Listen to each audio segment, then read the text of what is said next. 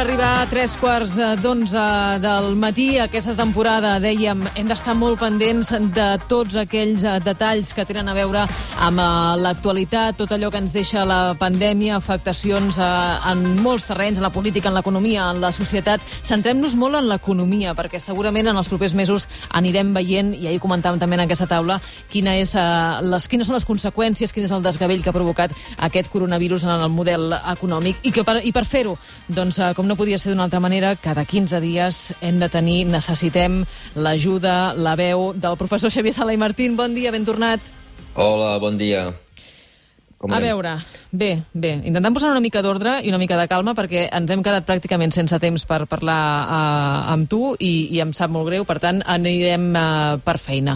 Apuntàvem uh, qüestions econòmiques importants uh, per aquesta represa del, del curs. Uh, veiem com Pedro Sánchez està molt pendent dels acords i de demanar unitat no?, per pactar els pressupostos que seran tan importants de cara a la nova temporada i al, al proper any. Un dels factors claus d'aquest model econòmic que tenim, el, el turisme, ha estat aquest un estiu atípic. La patronal Excel Tour ja està posant-hi xifres, parla de 19.000 milions d'euros que deixaran d'ingressar les empreses turístiques catalanes. Això és una, una caiguda al voltant del 50% de la facturació. Vista la situació eh, epidemiològica, professor, no sembla que el turisme s'hagi de recuperar aviat, si més no el turisme estranger. Quina ha de ser la resposta a curt termini? A veure, no ho sé, perquè depèn de quins són els objectius. A veure, el, el, el virus que ens ha caigut és un virus que es transmet, diguem, via, via oral, és a dir, la, per, per la proximitat de les persones. Per tant, totes les activitats que requereixen proximitat eh, els hi van malament um, i perquè la gent no pot, uh, no pot anar a les discoteques, no pot anar als restaurants, no pot volar amb avió o, o, o és perillós que faci aquestes coses i per tant totes aquestes activitats han caigut arreu del món. Uh, no és que sigui una cosa específica nostra, sinó que han caigut arreu del món. El que passa és que nosaltres uh, tenim un petit problema i és que tenim una economia molt poc diversificada eh, i, en particular, una economia que depèn molt d'aquest sector. I, per tant, mentre el turisme als Estats Units ha caigut en picat, igual que aquí, eh, allà tenen altres tipus d'activitats que més o menys eh, fan que l'economia no caigui tant. Eh, I aleshores la pregunta, i ara responc al que m'estaves preguntant, la pregunta que ens hem de fer és quina economia volem de cara al futur.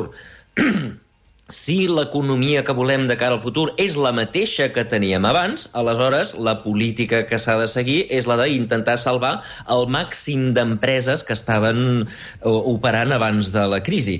És a dir, que no tanqui cap restaurant, que no tanqui cap discoteca, que no tanqui cap tour operador, que no tanqui, eh, que tothom segueixi viu, diguem, amb, amb, amb, amb, amb assistència econòmica a través de subsidis, com si estiguéssim a la UBI, com si les, els sectors aquests estiguessin a la UBI, de manera que quan desaparegui el virus o quan tinguem una vacuna o quan tinguem algun tipus de solució mèdica, tothom ressusciti i tornem a la situació anterior.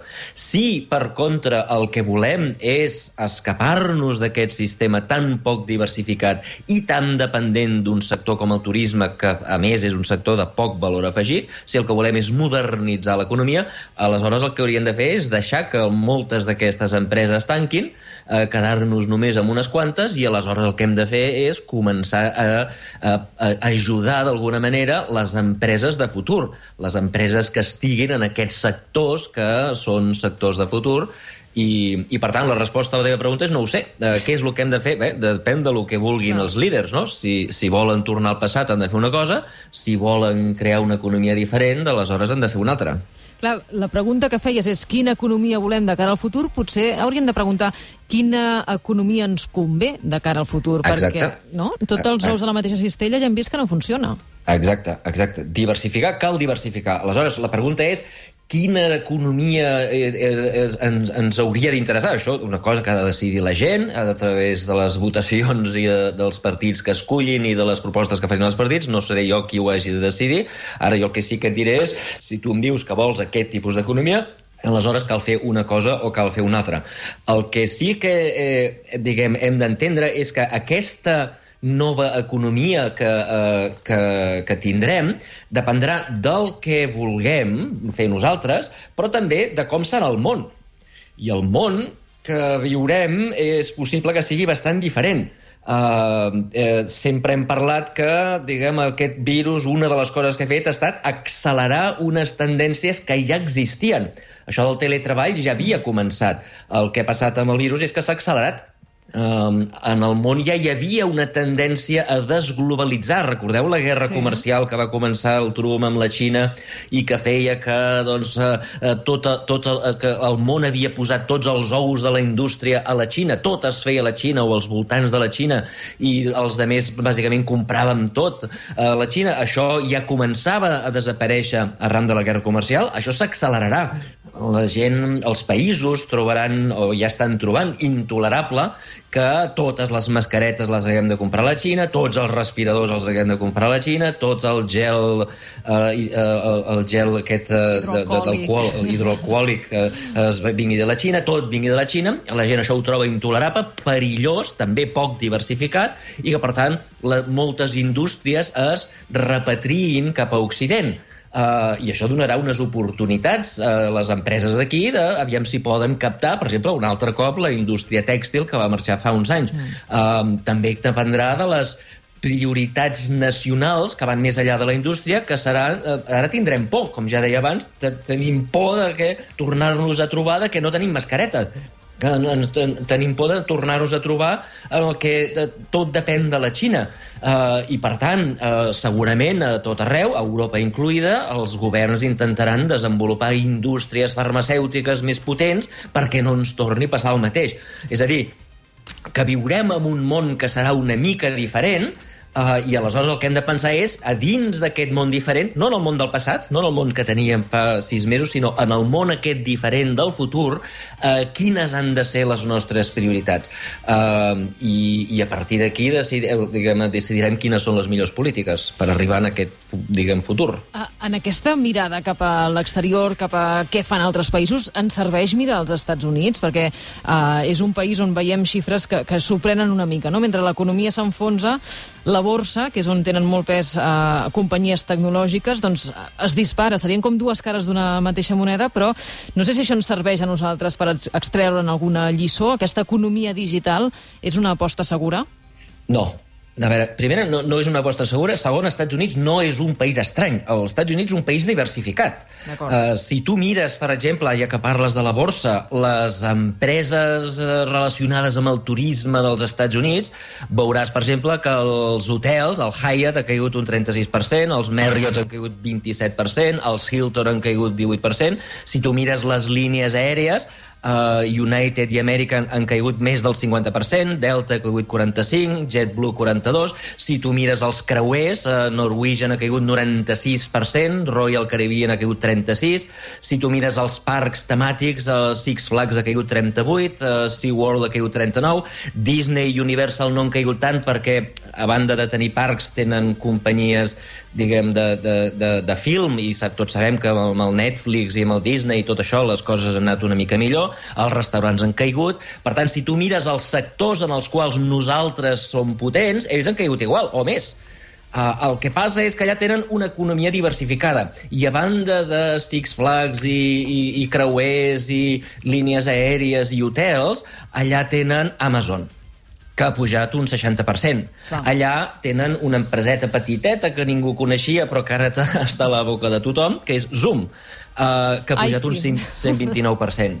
Uh, allà tenen uh, Netflix, allà tenen te, uh, uh, Apple, allà tenen Microsoft, totes aquestes han pujat borrades. Llavors, clar, tu mires l'índex, l'índex és més o menys la mitjana de totes les companyies i resulta que les, la mitjana de l'índex, diguem, quan, quan fas la mitjana i on hi ha molt pes en les, en les empreses tradicionals, les que hem vist, les, les que he dit abans, en els índexs, com per exemple el Dow Jones, aquests no han pujat molt, tot i que han pujat una miqueta.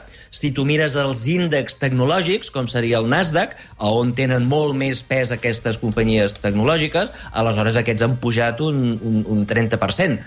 Uh, per tant, no és que sigui una cosa estranya el que està passant als Estats Units. El que passa és que allà estan especialitzats en moltes coses. Nosaltres estem especialitzats en una sola cosa i ens ha caigut la bomba en aquesta cosa i ens ha donat pel sac.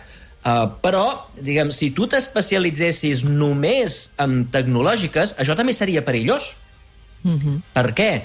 Doncs perquè ara eh, la crisi ha vingut per un virus però, diguem, d'amenaces exteriors, aquestes esotèriques que tothom diu que no passaran mai, fins que passen, com tothom ens deia que no podia venir una altra pandèmia des de l'any 1918 i al final ha vingut, un segle ha tardat però ha vingut, doncs hi ha altres amenaces, com per exemple, diuen que pot caure un meteorit o que poden haver-hi uh, jo què sé, el, aquestes, aquestes uh, flaires solars, no?, que surten, que, aquestes taques solars que de sobte diuen que podrien eh, anul·lar tots els satèl·lits de la Terra. Ostres. Uh, si passés això, Fatal. Fixa't que el problema el tindrien les empreses tecnològiques i digitals. Uh, I, per tant, un país que s'especialitzés en tecnologia, només en empreses digitals, si de sobte venen aquestes uh, taques solars que fan que uh, desapareguin els satèl·lits o que els satèl·lits no funcionin, aleshores aquest país s'arruïnaria i els que tenen turisme potser s'ho passarien bé perquè la gent, en lloc d'estar a l'ordinador, estarien tots al bar prenent copes. Uh, per tant, el problema és que tu t'has especialitzat en una sola cosa i quan ve un xoc brutal que afecta aquesta sola cosa en la qual tu t'has especialitzat, aleshores estàs perdut. Professor, volem aprofitar que, que el tenim avui aquí en línia uh, per fer-te una pregunta que uh, em temo que té poc a veure amb l'economia i molt a veure amb uh, altres tipus de passions com és el futbol. L'afer Messi, com a exdirectiu del Barça, com valores la gestió que n'està fent l'actual junta directiva? A veure, no, no, no puc avaluar massa perquè no conec el contracte. Aquí tota la clau sembla ser el contracte. Què sí. diu aquesta clàusula de si pot marxar el dia 10 o si diu que pot marxar eh, després d'acabar de la Lliga o acabar de la temporada o si diu que això podia, eh, diguem, havia de mar si marxava abans del 2019-2020 havia de pagar 700 milions, però després eh, no Uh, doncs aleshores, clar, depèn de què digui la clàusula, doncs s'està fent bé o s'està fent malament. Ara bé, uh, digui, digui el que digui la clàusula, uh, um, si el que, el que no volia la junta directiva és que marxés gratis, aleshores per què van fer un contracte que deia que si marxava abans del 10 de juny sí que podia marxar gratis? És a dir, eh, ara, ara ens barallarem de si la clàusula s'aplica eh, literalment de, diguem, eh, eh, eh, aquest any de coronavirus, no? en el qual la Lliga s'ha acabat no el maig, com s'acaba normalment, sinó que s'acaba el setembre, s'ha acabat el, el gairebé finals d'agost, eh, però diguem, pensem un moment, si uh, la Lliga hagués acabat normalment i el 2 a 8, el 2 a 8 ens l'haguessin fotut el 15 de març sí. uh, i el Messi després del 2 a 8 s'hagués emprenyat igual que s'ha emprenyat ara i el 10 de juny hagués dit que marxa uh, sembla clar que la seva clàusula eh, no sé si s'aplica ara amb, amb època de, de coronavirus o no, però el que sembla clar és que tenia una clàusula que deia que el 10 de juny podia marxar. Si ell hagués aplicat aquesta clàusula el 10 de juny, hagués marxat gratis i no hi hagués hagut res que el Bartomeu hagués pogut fer. Uh, i, i, I ara tota aquesta gent que s'escandalitza per la possibilitat de que marxi gratis s'ha de preguntar i aleshores per què vam signar aquesta clàusula? Si hi havia la possibilitat de que marxés abans del 10 de juny, Ara, ara ens discutim si mm. això també s'aplica ara que la Lliga s'ha acabat més tard o no, però això és una discussió tècnica. La pregunta que jo em faig és i per què, si no podíem acceptar, si era immoral que un jugador tan car marxés gratis, aleshores què, què, què hi feia aquesta clàusula? Per qui la va firmar? Mm. Per què la van firmar? Um, I a mi això és el que em, em, em indica que, jo, que, que, que, que acabarà marxant o hi ha una negociació sincera i aviat o marxarà gratis. Uh, perquè, si us hi fixeu, la major part de contractes, inclosos els, els futbolístics, els futbolístics, fixa't que no es van acabar el 30 de juny. Els jugadors els vam seguir obligant a jugar el mes d'agost. Uh, per tant, tot es va allargar, tots els contractes es van posposar uh, dos mesos i, per tant, si anem als tribunals, segurament el tribunal dirà, escolta, eh, el contracte del Messi també, i, i eh, no ho va comunicar abans del 10 de juny, però perquè la Lliga no es va acabar al maig, sinó que es va acabar a l'agost. Eh, imagineu que el Messi ens hagués dit el mes de juny, quan encara havíem de jugar contra el, el Nàpols, quan encara havíem de jugar contra el Bayern, quan encara havíem de començar la Lliga una altra vegada, i imagina que en aquell moment diu que se'n va, perquè la seva clàusula diu que ho ha de dir el 10 de, el 10 de uh, juny. aleshores tots els culers haguéssim sortit a dir escolta, hem perdut la Lliga, ens han fotut 2 a 8 per culpa del Messi uh, i per tant no dir-ho en meitat de la Lliga jo crec que, que diguem, era en benefici del Barça però la clàusula i l'esprit aquest de que pot marxar al final de temporada estan intactes i, i jo dubto que un jutge obligui en el Messi a pagar 700 milions eh, per haver dit que se'n va després de la temporada, quan el seu contracte diu que si se'n va després de la temporada eh, pot marxar. Uh, per tant, no ho, sé, no ho sé com, diguem, no sé si és massa això que estaven fent el Bartomeu de, de, de lligar-se en els advocats i lligar-se al jutge i dir, escolta'm, uh, anem als tribunals perquè segur que guanyarem, jo no estaria tan segur i si anem als tribunals eh, i el Barça perd, escolta'm, serà una catàstrofe, perquè haurem perdut Messi, haurem perdut eh, els calés i a sobre de tot haurem perdut la imatge i haurem perdut la dignitat davant de tot el món. Serà un desastre absolut. Veurem quines sorpreses ens depara aquesta sortida de, de Leo Messi del Barça. Professor Saler Martín, moltíssimes gràcies. Fins al proper informe. Bon dia. Moltes gràcies i bona sort amb la nova etapa. Gràcies, una abraçada. El matí de Catalunya Ràdio, amb Laura Rosell.